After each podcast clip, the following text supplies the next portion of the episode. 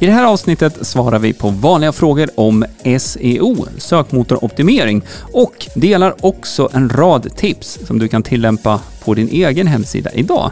Och vi kommer också nämna några fallgropar som du absolut ska undvika. Hoppas du är redo. Nu kör vi! Du lyssnar på Hillmanpodden, en podcast om digital marknadsföring, trender och strategier online. Hillmanpodden presenteras av hillmanacademy.se som hjälper dig jobba smart digitalt. Hej och välkommen till ett nytt avsnitt av Hillmanpodden. Idag så ska vi svara på frågor som vi har fått om just SEO och det är både via mail men också från våra medlemmar inne på Hillman Academy. Jag heter Jenny. Och jag heter Greger. Ja, jag tycker vi kör igång direkt. Absolut, ingen tid att förlora. Nej. Vi vill hinna med så många frågor som möjligt. Mm. Jag börjar. Hur börjar jag med SEO? Vad ska jag göra först? Ja, innan du börjar optimera någonting för bättre synlighet på Google så måste du veta vad du ska optimera för. Mm. Och det här kräver att du gör research. Och eh, ett vanligt sånt här, jag ska inte kalla det misstag, men en fallgrop, det är ju då när man är expert inom sitt eget område och det man själv jobbar med. Så tänker man att nu ska jag optimera för de här specifika sakerna. Men man måste sätta sig i eh, kundens eh, skor, eller ställa sig i kundens skor och eh, ta reda på vad man faktiskt söker efter. För det är inte alls eh, ovanligt att det är andra sökord eller fraser man använder sig av. Nej, men det kan ju bli det, precis, att man tänker att, att här vill jag berätta om lösningen, men ofta så kanske man googlar och söker efter, jag har det här problemet. Mm. Man kanske, för man vet ju kanske inte lösningen ännu. Nej. Nej. Och eh, det här är faktiskt ett jättebra exempel för att det finns ett typ av inlägg kan man säga, eller man kan ha det på en sida också, ett blogginlägg som eh, man brukar kalla för frågor och svar. Och det är ett sätt att skapa innehåll som besvarar vanliga frågor Mm. som ställs via Google. Och det kan vara ett sätt faktiskt att få sin webbplats att synas bättre. Det blir mera relevans till det man faktiskt frågar efter i Googles lilla sökruta där uppe då. Mm. Jag, jag tar nästa fråga direkt, för den knyter an till det här. Mm. Hur gör jag research kring SEO? Ja, och där, Googles sökruta är ett väldigt bra eh, ställe att börja på faktiskt.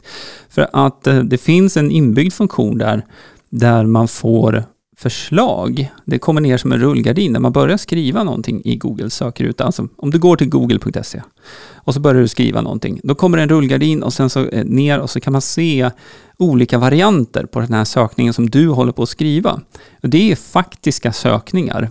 Och det här är ett sätt för Google att försöka hjälpa dig på traven som, som användare om Google att hitta rätt snabbare. Mm. Så att de eh, olika varianterna som kommer upp där, det är personer som söker efter det. Så att det är en väldigt stark indikator på, okej, här kan vi se då, jag, jag kanske hade börjat skriva ett ord, men jag ser här att eh, här är det många som skriver tre eller fyra ord i en följd för att söka efter det här som faktiskt passar in på det jag vill synas för. Ja, men då, då finns det ju en möjlighet att utgå från den här längre, eh, längre frasen. Det här kallas för long tail keywords och det är då en längre fras som ändå många söker efter. Vi har ju en workshop när, när vi visar det här och hur man sedan applicerar och går vidare med hela research-delen så att säga. Ja, precis. Och eh, den ger ju en bra introduktion också till vad SEO faktiskt är. Så är det så att du vill se den så finns den på vår hemsida hillmanacademy.se SEO så kan man titta på den där och då blir det visuellt också lite tydligare.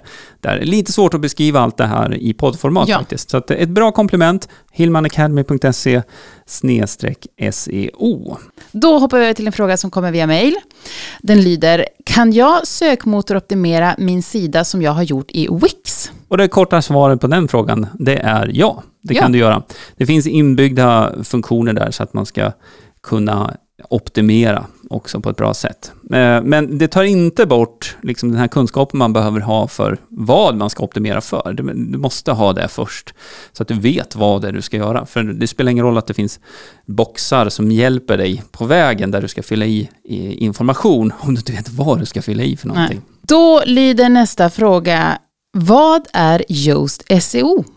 Yoast SEO är ju ett tillägg för Wordpress. Och eh, det här är då, ja det är det mest populära SEO-tillägget för Wordpress. Och det är ett hjälpmedel som eh, kan vägleda dig när du ska optimera dina blogginlägg, dina sidor, dina produkter i WooCommerce och så vidare. Så att eh, det är inget magiskt verktyg som sköter det här åt dig, utan med hjälp av verktyget Eh, när du då har gjort research och vet vad du ska optimera för, så kan du lägga till, knappa in det nyckelordet eller den frasen.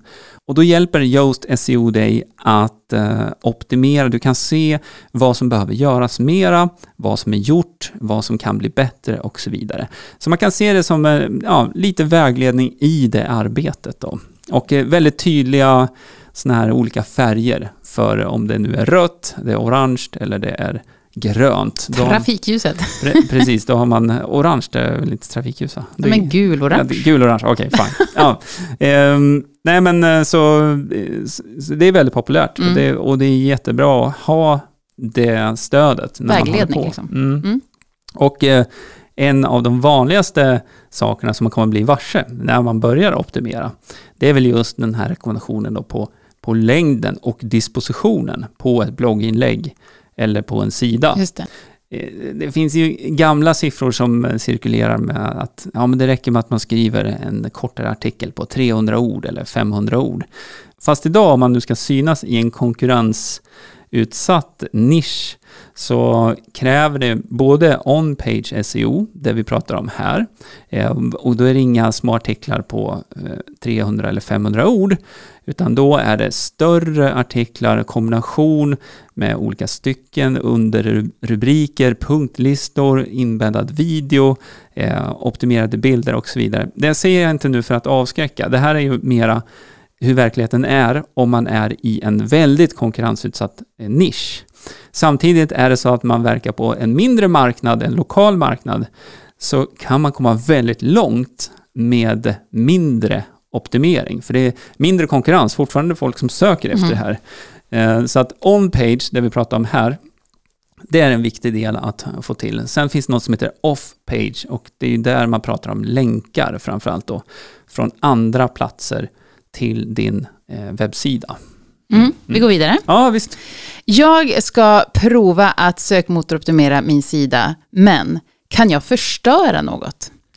Ja, det, det beror ju på, det går tillbaka till det här lite grann att eh, om du inte vet vad du ska optimera för, så visst, potentiellt så kan du ju förstöra lite grann mer, eh, men då är det mer att det blir dåliga texter. För att om det inte är optimerat för någonting, så, så syns ju inte din webbplats på Google, om vi nu kopplar det här till Google-söket som vi mm. pratar om här. Så det du ska se upp med, det är väl att inte göra det som kallas för keyword stuffing. Det här är en jättegammal strategi innan Google blev riktigt smart. Där man skrev samma sökord om och om igen. För att, eh, liksom, ja, nu borde väl Google förstå att det är ju det här jag vill synas för. Det är någonting du definitivt ska undvika. Så det skulle potentiellt kunna vara en, eh, en sån sak som kan förstöra. Å andra sidan syns det ingenting från början, så det, det gör ingen skillnad. Det är bättre att lära sig eh, liksom grunderna i det här och sen jobba långsiktigt. För SEO är en långsiktig strategi. Vi jobbar ju med SEO på våra sajter i cykler kan man säga. Det är inte så att vi sitter och jobbar med det hela tiden.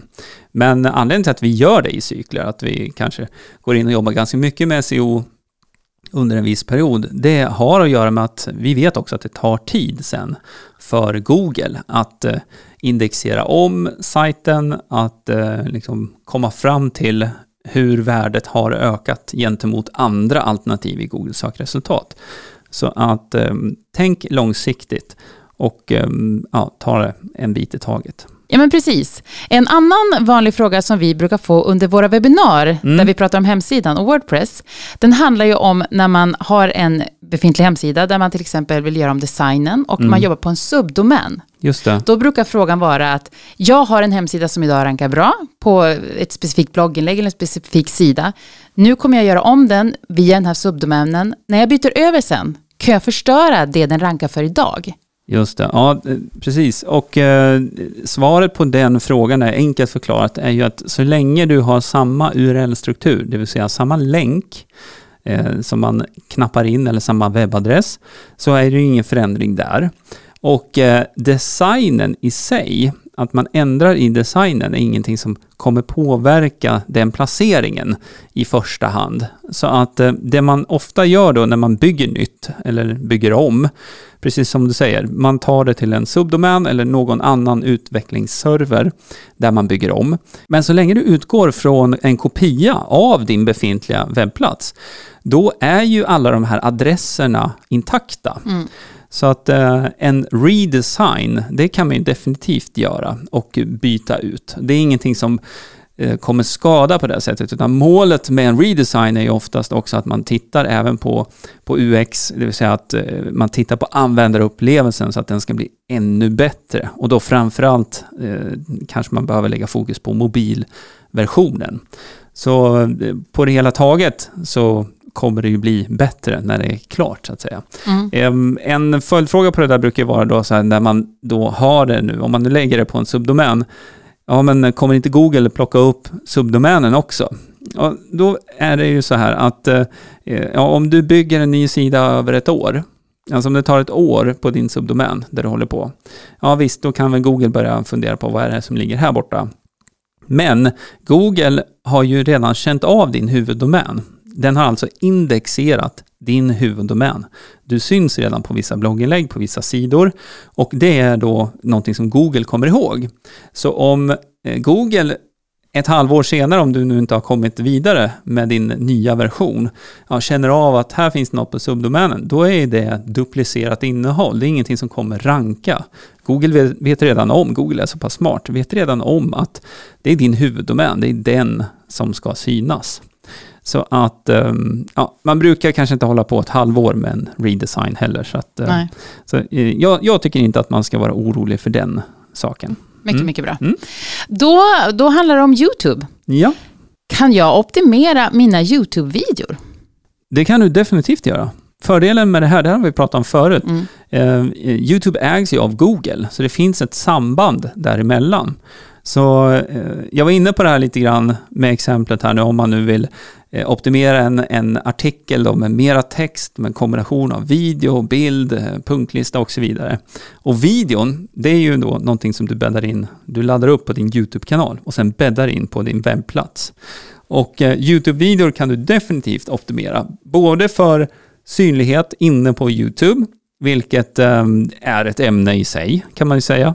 Eh, välja eh, en bra omslagsbild, en thumbnail som drar uppmärksamhet, eh, när det kan då dyka upp i det här rekommenderade fältet egentligen ute till höger på, när man tittar på en dator. Men också hur man skriver beskrivningen, hur man skriver titeln, eh, de taggarna du använder dig av inne på YouTube. Det är sånt som ger YouTube mer information om vad videon faktiskt handlar om också. Det hjälper till där med placeringar. Och sen då synergieffekten med Google.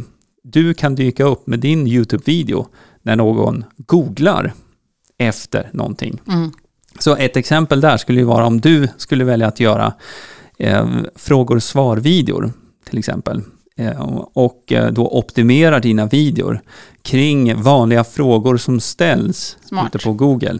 Då kan du dyka upp som ett videoresultat. Och det här brukar faktiskt oftast dyka upp eh, väldigt högt upp i Googles sökresultat. För Google vill hellre skicka dig över till YouTube än till någon annan faktiskt. Mm. För att eh, de, de, de tjänar ju på att du är på YouTube också. Ja. Så att, eh, Samma familj. Ja, kan man säga. ja. så, så definitivt, du kan optimera dina videor. Både för YouTube, men också för Google. Mm. Och nu har vi pratat väldigt mycket om just det att man ska göra det här själv. Mm. Nästa fråga är lite annorlunda. Den låter så här. Jag har fått offert på en ny hemsida där det ingår SEO. Vad kan jag förvänta mig av det? Ja, och här är ju nästan frågan, hur långt är ett snöre? För det beror ju dels på, eh, alltså det beror på vad som ingår i den offerten. Ehm, ett vanligt scenario ändå brukar ju vara att eh, det ingår någon typ av grundläggande SEO. Och då är ju frågan, vad är grundläggande SEO? Jag skulle säga så här att det man kan förvänta sig idag när man köper en webbplats av en byrå, det är ju att det, det ingår grundläggande SEO. Designen är självklart viktig och det är det man ser. Men för att din hemsida ska kunna generera kunder till dig och generera försäljning, det är ändå idén med att ha en sida i företaget, ja, då behöver den också vara optimerad för att synas på Google. Så om vi tar väldigt, väldigt basic, det här är sådana saker som vi har pratat om, det är bland annat då att eh, innehållet är strukturerat på ett sådant sätt så att vi har en huvudrubrik, header 1, per sida. Och sen övrigt innehåll är uppdelat då i sektioner med rubrik 2. Så, så att man får med nyckelord också i det här. Det här kan ju vara lite klurigt nu när man beställer det här då också. Du kanske skriver texterna själv. Men om du har med dig, om du ska leverera texter, om du har med dig nu det här liksom grundtanken kring SEO och framförallt också ta en titt på den här workshopen som vi har på hillmanacademy.se SEO då kommer du veta vad du ska tänka på med de här texterna också mm. och hur du kan strukturera upp det här. Så levererar, levererar, du bättre texter till byrån som ska göra det här, kommer det innebära att resultatet blir bättre också ur SEO-perspektiv. Så att ehm, eh, texten är en sak. En annan sak eh, som definitivt ska göras i grundläggande SEO, det är ju att alla bilder ska ha relevanta filnamn. Och det är då filnamn utan å, ä, ö. De ska också ha det som heter alt-text, alltså en beskrivande text. Och det här är någonting man ställer in på baksidan i Wordpress, eh, där bilderna ligger i mediebiblioteket. Samma princip gäller på Wix och på andra plattformar. Och sen ska ju bilderna också då vara optimerade för nätet, det vill säga att det är små bildfiler så att din sida laddar snabbt. Jag ska bara säga en sak, det här med bildnamn. Det här är ganska vanligt. För det finns många bildbanker där eh, man kan hämta bilder, vilket är jättebra, med licens då. Det kan vara gratis, det kan vara köp. Men de bildnamnen är ju oftast väldigt konstiga. Eh, Pexels är ju en sån här mm. vanlig eh, plattform. Får jag sticka in en fråga bara? Ja, För det har precis med det här att göra. Ja. Frågan lyder, jag lyssnade på Hilma-podden där ni pratade om SEO, det är alltså ett tidigare avsnitt. Mm, mm där ni pratade om just det här med bildnamn. Jag har köpt min hemsida och så gick jag in och skulle kolla, men bilderna heter inte bra saker. Vad gör jag nu? Nej, just det. Ehm, precis, det där var ett exempel på när det, bilderna hette då Pexels bland annat, lite olika varianter. Ja, det du behöver göra i det fallet, då, vi ska säga det, för dig som vill testa det här, så om du går till din egen hemsida och så tittar du där du har någon bild. Då kan du högerklicka på den bilden, öppna bilden i ny flik. Enkelt att göra via datorn. Och då tittar du på adressen uppe i, i adressfältet. Om den då heter, den här bilden heter någonting pexels 3758 bla bla bla någonting .jpg då är det ju inte ett optimerat namn, för att det förklarar inte nu om det nu är du som är på bilden, då ska det vara ditt namn där mm. Eh, på bilden, då, så att man eh, förstår det. Så det man behöver göra i det här fallet, det är eh, helt enkelt då att byta ut de bilderna. Så att i Wordpress, det enklaste sättet som egentligen inte blir så enkelt, men det är att du laddar upp nya versioner av de här bilderna som har rätt namn. Alternativet till det, det är att man ska gå in i en databas och eh, ändra namn och hålla på. Eh, men det kanske man inte vill göra. Så att det, det enklaste sättet, det är att ta, om du har en bild på dig själv som heter konstigt, ja, högerklicka på den, öppna den i en ny flik, ladda ner den till din dator, byt namn på den där filen så att den heter någonting som är relevant. Så till exempel då, hade det varit en bild på mig, då hade jag skrivit Greger-Hillman eh, personbild eller bindestreck digital strateg eller någonting mm. liknande. Någonting som är relevant. Och eh, sen laddat upp det igen då. Och så får man byta ut den bilden helt enkelt. Så det blir ju lite handpåläggning, men det är ju något som gör skillnad.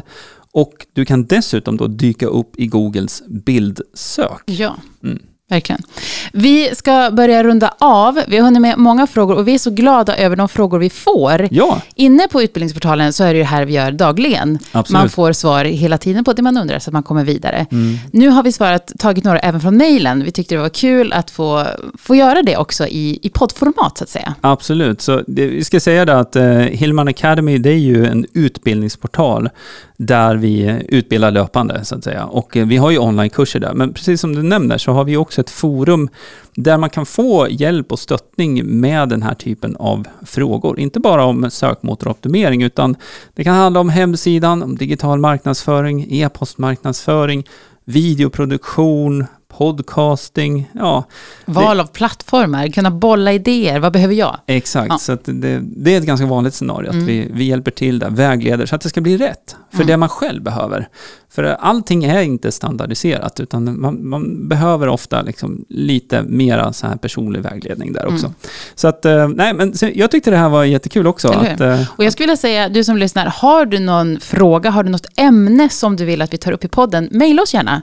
Yes, och du hittar ju våra kontaktuppgifter om du går till hillmanacademy.se. Ja. Sen vill jag pusha lite extra för den här workshopen då, som vi har nämnt några gånger här nu. Så hillmanacademy.se SEO. Ta gärna en titt på den.